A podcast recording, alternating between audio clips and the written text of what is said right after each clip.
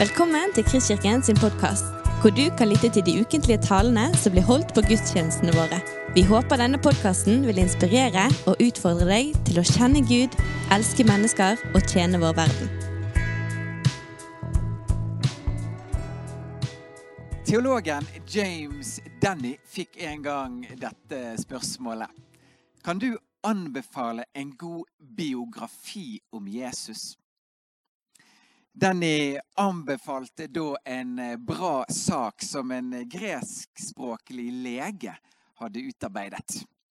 Denne legen, som for øvrig forfattet de to lengste av Nytestamentets skrifter, som for øvrig òg til sammen utgjør 20% av alle kapitlene i Det nye testamentet. Vi snakker om doktor Lukas, som brukte mye tid på å granske dette som hadde med Jesus å gjøre. Et arbeid som endte opp i et tobindsskriv til sin ikke-jødiske venn Theofilus. Et verk som seinere har blitt kalt Den kristne menighets opprinnelse og historie. I våre bibler så er Lukas sine to skriv oppdelt i henholdsvis Lukas' evangelium og apostlenes gjerninger. Det er utsøkte og velformulerte brev forfattet av en mann som er grundig anlagt, men som ikke bare er grundig av natur, men som òg er en beveget og berørt mann. Kanskje er det doktoren i han som skinner gjennom, for hans første brev syder av Jesu omsorg for de vanskeligstilte, de såkalte taperne i samfunnet. Brevet flommer over av Guds nåde i møte med menneskers synd, umodenhet, uvitenhet og tilkortkommenhet. Det er et forfatterskap som syder av tilgivelse og helbredelse fra plager. Og du og jeg kan takke Gud for Lukas, for hans hjertelag og for hans trang til å få nedfelt alt dette i brevform. Foruten Lukas sin forfattergjerning så hadde ikke vi hatt historien om den barmhjertige samaritan. Vi hadde ikke hatt historien om den bortkomne sønn. Vi hadde ikke hatt fortellingen om røveren på korset. Vi hadde ikke hatt det velkjente juleevangeliet med keiser Augustus og gjengen og de fylte herbergene. Vi hadde ikke hørt om Sakarias og Elisabeth eller Simeon og Anna. Vi hadde heller ikke hørt om Jesus som tolvåring i tempelet. Vi hadde heller ikke hørt lignelsen om fariseeren og tolleren. Eller lignelsen om den påtrengende vennen, den urettferdige dommeren, den uærlige forvalteren, den tapte mynten. Vi hadde ikke hørt om Jesu programtale i synagogen, om de to Emmaus-vandrerne, eller Jesus' samtale med kvinnene idet han bar korset sitt.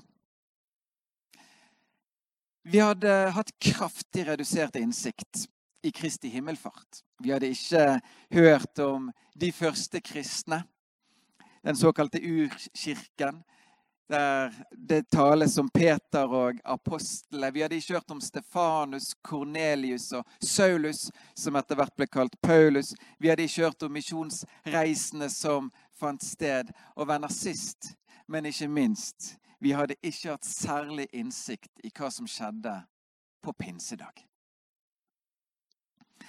Denne hendelsen, som for Lukas fremstår som et av de virkelige toppunktene i hele hans beretning. For Lukas er veldig opptatt av Den hellige ånd. I sine to skriv til Theofilus så er det som om han ikke kan få vektlagt og verdsatt Den hellige ånd nok. Allerede i første kapittel i første brevet. Når han legger ut om familien til døperen Johannes, så siteres engelen på at Johannes skulle være fylt av Den hellige ånd. Og hans mor Elisabeth ble fylt av Den hellige ånd da Jesu mor Maria besøkte henne. Og Sakarias, hans far, ble fylt av Den hellige ånd like etter Johannes sin fødsel. Om Simeon i kapittel 2 så står det at Den hellige ånd som var over han, hadde vist han at han ikke skulle dø før han hadde sett Messias. Og drevet av nettopp Den hellige ånd så kom han til tempelet, der han fikk møte det åtte dager gamle Jesusbarnet. Så begynner etter hvert Lukas på beretningen om Jesu tjeneste og liv som voksen som innleder med at nettopp døperen Johannes døper han, og Den hellige ånd kommer over Jesus og ble over han. Før han fylt av nettopp Den hellige ånd, vender tilbake fra dåpsstedet og av ånd blir drevet ut i ørken for å bli fristet. Et sted han vender tilbake fra i åndens kraft. Og så går han til synagogen i Nasaret, der han leser fra Jesaja. Herrens ånd er over meg. Og så er han i gang med sin gjerning, fylt av Den hellige ånd. Videre så maler Lukas dette bildet utførlig opp. Han maler et bilde av Jesus Kristus som fryder seg i Den hellige ånd, som er nidskjær for Den hellige ånds navn og rykte. Han forteller dem at Den hellige ånd skal gi dere og tale de rette ord i rette tid. Og han forteller at eh, når til og med dere som er onde, vet å gi barna deres gode gaver, hvor mye mer vil ikke min far gi Den hellige ånd til den som ber han? Jesu liv i Den hellige ånd utgjør i Lukas' beretning både grunntone og forutsetning for Jesu gjerning. Og Det forsterkes da òg etter at eh, Jesus har stått opp. Og Så siteres han av Lukas på dette at eh, hans venner ikke må gå i gang med noe som helst før de har blitt ikledd kraft fra det høye. Før de har mottatt det som Faderen har lovet. Og han taler som kjent her om Den hellige ånd. Og Det er som om Jesus utroper overfor sine venner, og at Lukas istemmer overfor sin venn Theofilus at Den hellige ånd er noe mer enn en av mange flotte muligheter i Guds rike. Den hellige ånd er den levendegjørende. Den eh, bærende, den drivende og den utøvende. Han er livskraft og drivkraft. Han er den som gir alt sammen liv. Ikke engang prøv å sette kurs inn i kristenlivet på egen hånd. Dette her er per definisjon et tospannsliv. Dette bildet males enda tydeligere når doktoren gyver løs på sitt bind to, der blikket ikke primært rettes mot Jesu jordeliv, men på etterfølgernes liv.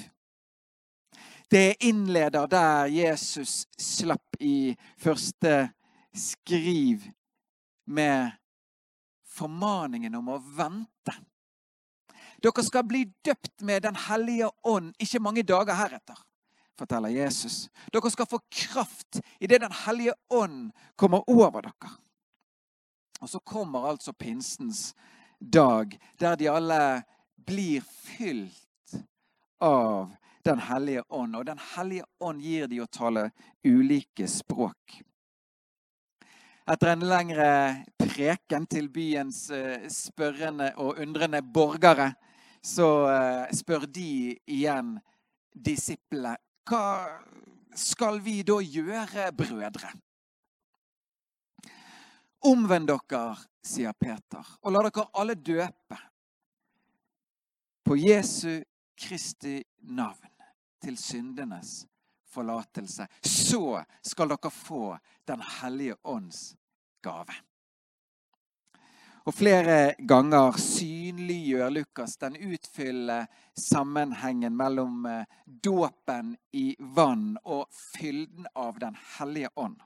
Som da Philip forkynte om Jesus i Samaria, og mengder lot seg døpe. Men så står det at åen ikke hadde falt på noen av de. De var bare døpt til Jesu navn. Det er kanskje ikke bare bare for mange, men det er som om Lukas må få med at det stopper ikke med det. Så de la hendene på de, sier Lukas i sitt brev til Theofilus. Og de fikk Den hellige ånd. Vi ser det samme i Apostles gjerninger 19, der Lukas forteller om et møte hans venn Paulus hadde med noen oppriktige troende i byen Efesus. Ganske raskt spør Paulus de fikk dere Den hellige ånd da dere kom til troen. Og de bare Vi har ikke engang hørt at det finnes noen hellig ånd. Da lot de seg døpe til Jesu navn, og så legger Paulus hendene sine på dem, og Den hellige ånd kommer over disse. Paulus sjøl, som opplevde å få Den hellige ånd det Ananias la sine hender på han. Og Lukas skriver flere ganger at både disiplet og Paulus ble fylt av Den hellige ånd.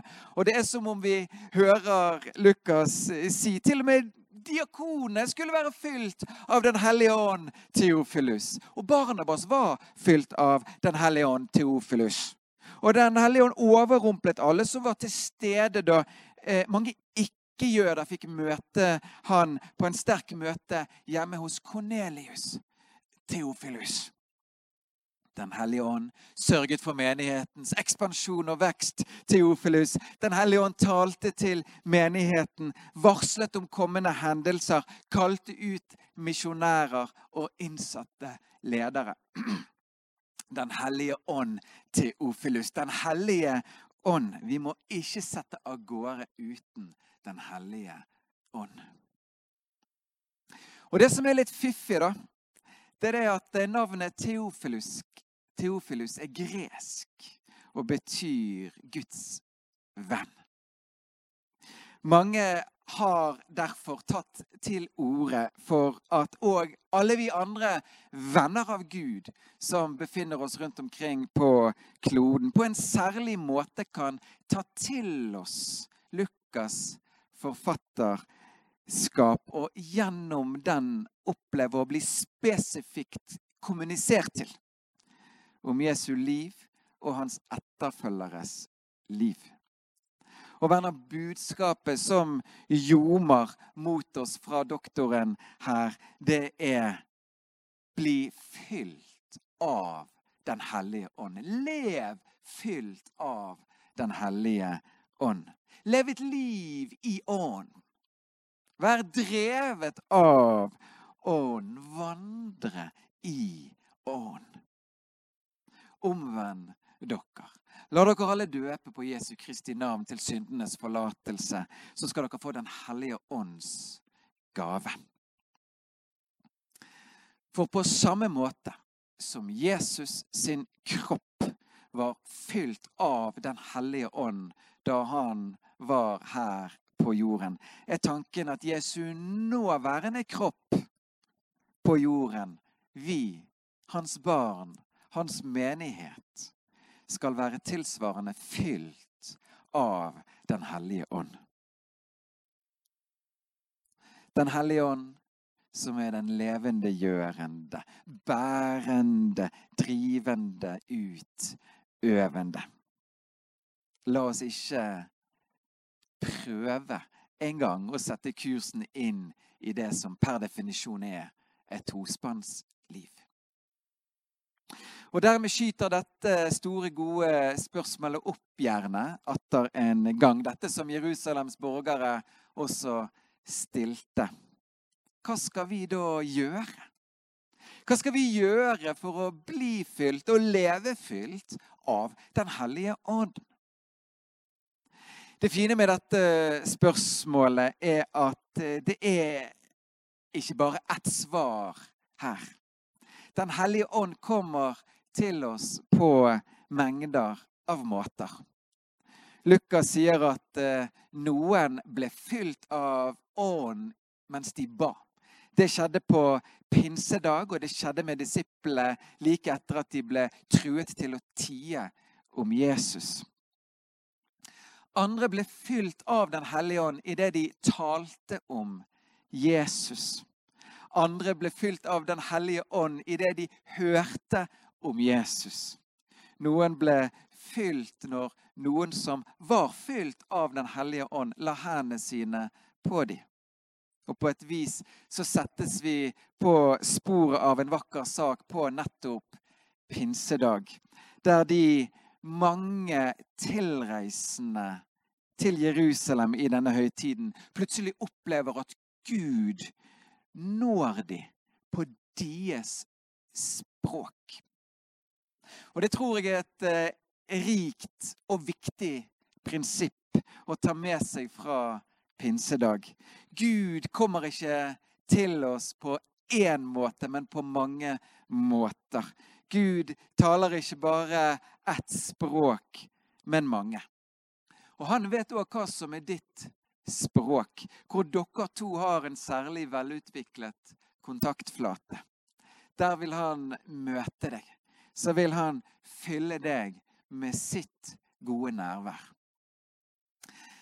I stor grad vil dette handle om eh, hvor du opplever at du blir nærværende overfor han. Lukas levner i alle fall ingen tvil om hva som er Guds vilje og ønske i dette. Han vil fylle oss med sin ånd. Det står ikke på Gud. Som Jesus sier det her referert i Johannes 7.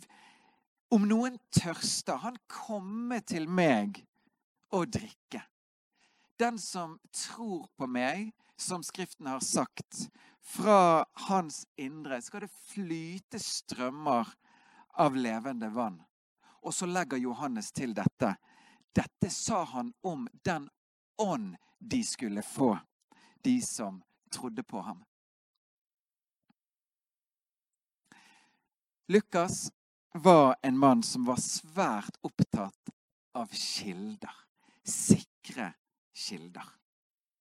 Han gjorde et formidabelt kildearbeid, og sammen med Theofilus kan vi som sagt få takke for Lukas grundighet. Men en annen grundig type som eh, er opptatt av sikre kilder, det er Jesus. Og gjennom hans uselviske forsoningsverk på korset er livet i Gud, livet i Den hellige ånd, livets kilde nå tilgjengeliggjort for alle som vil drikke. Det er en sikker kilde. Og på denne dagen så gis oppfordringen til oss alle på en spesiell måte.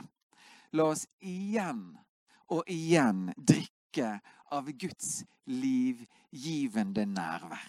La oss leve fylt av Den hellige ånd. Da er vi på vårt aller beste. Da bærer vi god frukt. Vi bærer Den hellige ånd sin frukt i våre liv. Så har jeg ikke sikre kilder på det siste jeg nå skal si. For det verserer ulike fortellinger om hvordan doktor Lukas døde. Men en av de mest velkjente er at han døde i Hellas i en alder av 84 år.